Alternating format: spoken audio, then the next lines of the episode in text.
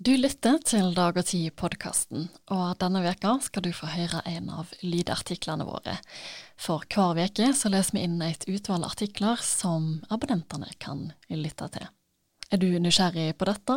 Da kan du bestille et gratis prøveabonnement på dagogtid.no prov. Kommentaren du skal få høre er skreven av Cecilie Hellestveit og lesen av meg, Sofie Mai Rånes.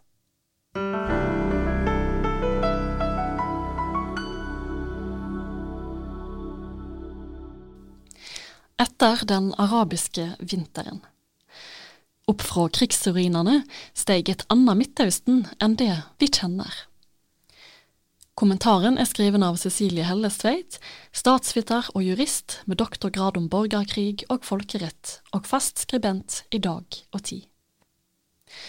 Da Sverige søkte vern i Nato mot et mer aggressivt Russland, valgte president Erdogan å holde tyrkisk basar.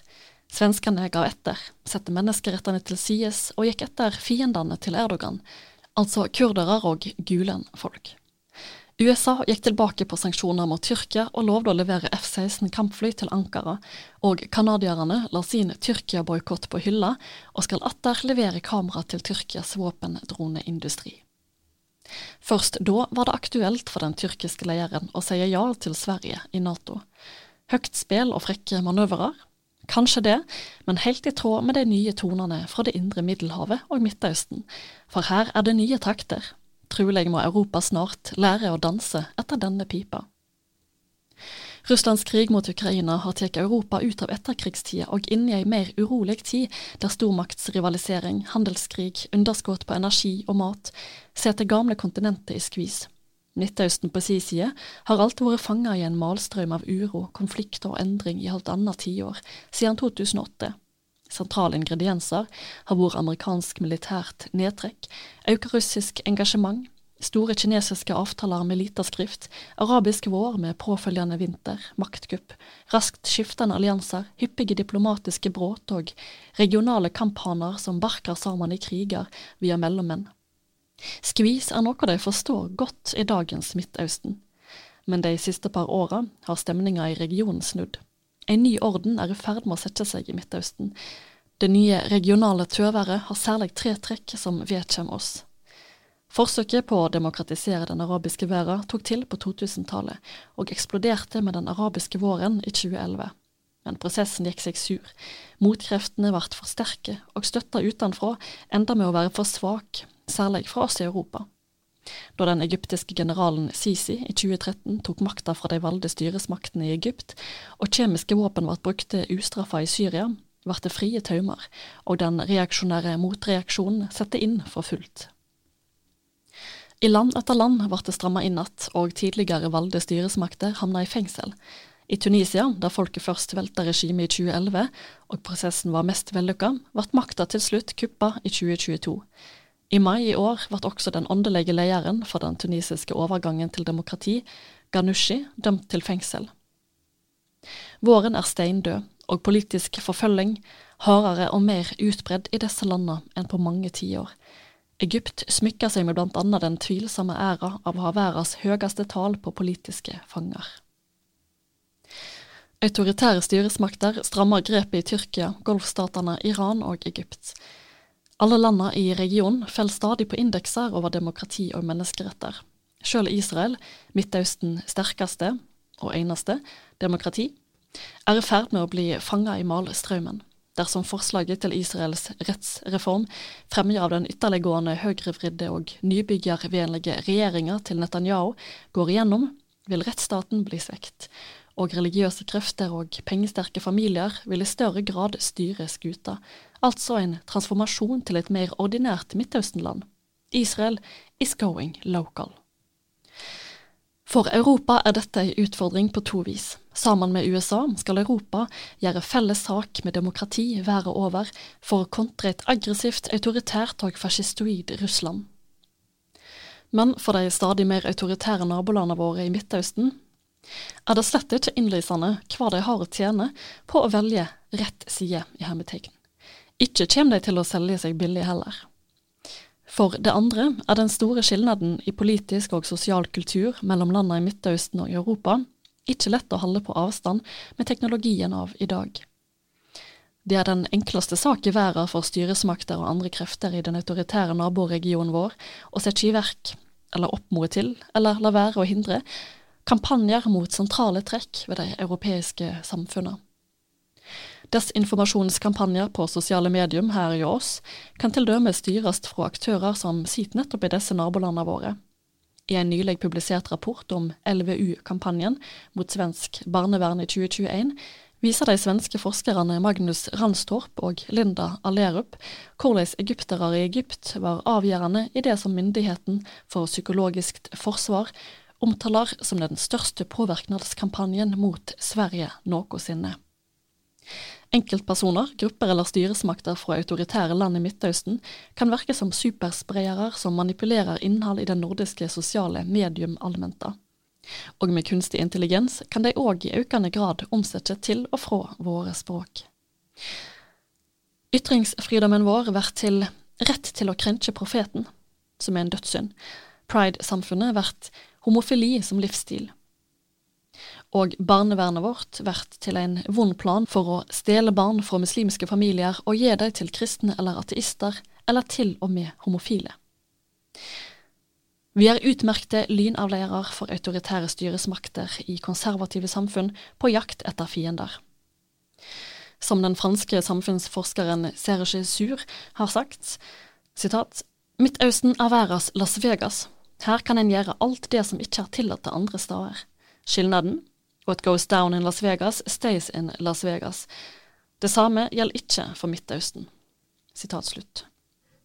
De autoritære regimer som nå florerer i Midtøsten, har få interesser i å verne de europeiske demokratiene. Om styresmaktene i Tyrkia, Iran, Egypt eller Saudi-Arabia kan nytte sosiale medium til avledningsmanøvrer i og mot Europa, eller til å samle sitt eget publikum, vil de gjøre det. De er ikke våre allierte i kampen for det europeiske demokratiet i tida framover. Et annet trekk ved dagens Midtøsten er at det er et tiår med vakuum etter amerikansk militært nedtrekk og påfølgende maktkamp mellom regionale stormakter går mot slutten. En ny orden er i ferd med å sette seg. Det har ført til normalisering av forholdet mellom Saudi-Arabia og Iran. Tyrkia og Egypt har lagt stridsøkser til sides, og Tyrkia og Saudi-Arabia har funnet tilbake til mer normale samarbeidsformer. Dette er stater som i stor grad har stått på hver sin side i krigene som har rast i Syria, Irak, Jemen og Libya. Det nye samarbeidsklimaet får derfor store konsekvenser for rammene rundt disse konfliktene, og gir gode utsikter til at krig og væpna konflikter er på retur i regionen. I Jemen har tilnærminger mellom Iran og Saudi-Arabia fått effekt for lengst. Samtaler mellom Iran og Saudi-Arabia har gjort at våpenhvila i Jemen har blitt uoffisielt forlengd. I april starta samtaler mellom houthiene og Riyadh. Saudi-Arabia ser for seg en tretrinnsprosess mot houthianerne. Saudi-Arabia ser for seg en tretrinnsprosess med houthiene, selv om jemenittene ikke er klare til å grave ned stridsøksa helt ennå. Samme kaller dette peace by proxy, altså en stråmannsfred som er påtvinga utenfra, men siden det er disse samme eksterne maktene som i stor grad har hindra konfliktløsning i Jemen etter 2017, er det av det gode. I Syria har tøværet mellom golfstatene og Tyrkia òg fått virknad. Tyrkias nye sentralbanksjef, finansminister og visepresidenten har nett vært på smigertur til ei rekke mindre golfstater, inkludert erkefienden Emirata, og neste veke står Saudi-Arabia for tur. Målet er å skaffe 25 milliarder dollar i investeringer fra Golfland til en tynnsliten tyrkisk økonomi. Saudi-Arabia skal ha hjulpet den tyrkiske lederen med kapital for å lette valgsigeren i vår. Arabiske trusler fra et par år tilbake om å mobilisere militært mot Tyrkia er borte og glemte for lengst. Det er òg partering av Kashoggi. Bedre relasjoner til Tyrkia og Iran har gjort det mindre risikabelt for Saudi-Arabia å ta Syria inn i varmenatt.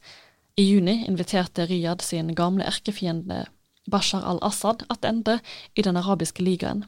The king taketh and the king giveth. Saudi-Arabia vil ha styr på Damaskus. Også her kan golfpenger gjøre susen.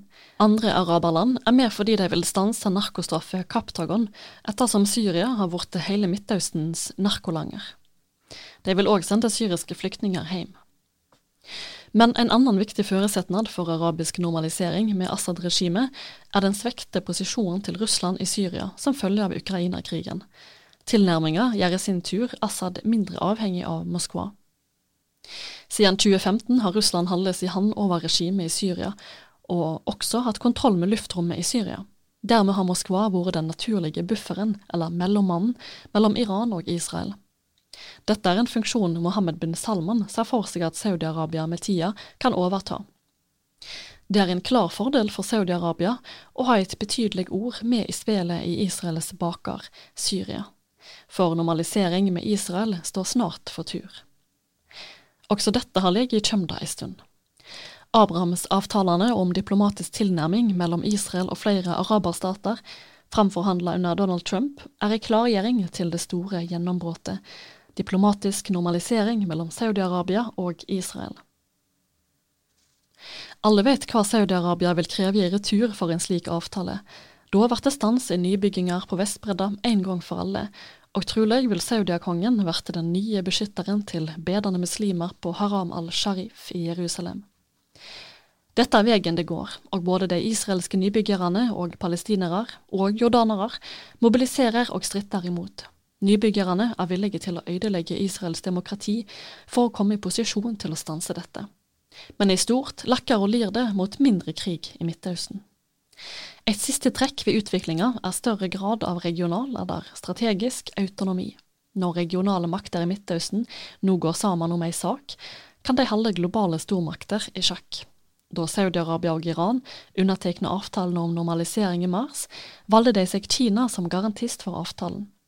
For Riyadh er det sentralt at Kina har tiltakende økonomisk makt over Iran gjennom store bilaterale avtaler, og med Irans medlemskap i Shanghai Cooperation Organization i juni i år får Kina òg økt multilateral militær påvirknad i Teheran. USA, uten direkte dialog med Iran, og Russland, som har svekt posisjon i Midtøsten, glimrer med sitt fravær. Det var en symbolsk gest fra Teheran og Riyadh å invitere Kina til bords. Budskapen er klar. Ingen utenforstående stormakt kan diktere i Midtøsten lenger. Det nye Østen i midten stiger fram. Samme dag som Tyrkia slepte Sverige gjennom Natos nålauge, nekta Russland å forlenge FN-avtalen om den siste humanitære grensekryssinga mellom Tyrkia og Syria. Bare etter jordskjelvet i februar har 3400 lastebiler med hjelpesendinger kryssa grensa med humanitær hjelp inn til Syria her. Trolig vil ei løsning komme i havn samtidig som Russland vil forlenge kornavtalen med Ukraina, som går ut 17. juli. Stenginga setter syrere i en uutholdelig situasjon, og den setter Tyrkia i sin årlige skvis. Men denne russiske knipetanga er mindre farlig for Tyrkia nå. Golfstatene truger til dømes ikke lenger med å etablere militærbaser i kurdiske områder for å lage bøll, slik de gjorde for bare få år siden. Via Golfen kan også Assad overtales til å åpne andre grenseoverganger. Tyrkia har mer å gå på mot sør. Det er nok et tegn på at Russlands faste grep om Syria, og dermed Midtøsten, er i ferd med å glippe.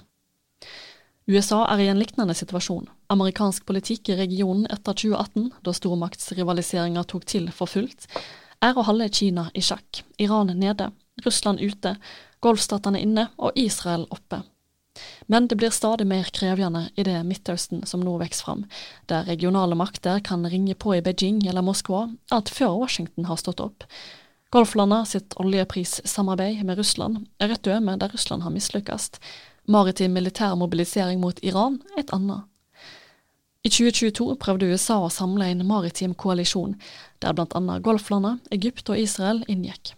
Emiratet trekte seg på forsommeren i år, og like etter kom ei erklæring fra Iran om maritimt samarbeid mellom Iran, Saudi-Arabia, Emirater, Qatar, Bahrain, Irak, India og Pakistan. Den iranske lederen for IRGCs maritime styrke nytter samtidig skjøvet til å presisere at disse landene sammen kan passe på tryggheten i den arabisk-persiske, Golfen og Hormuzsundet, og at illegitime patruljer fra utenforstående stater derfor kan holde seg unna. Nye former for regionalt samarbeid, som bare for et par år siden var helt utenkelige, tar stadig form i Midtøsten. Det vil kunne transformere naboregionen vår, og forsterker et Midtøsten som er mer autoritært, mer stabilt og mer kravstort enn det vi kjenner.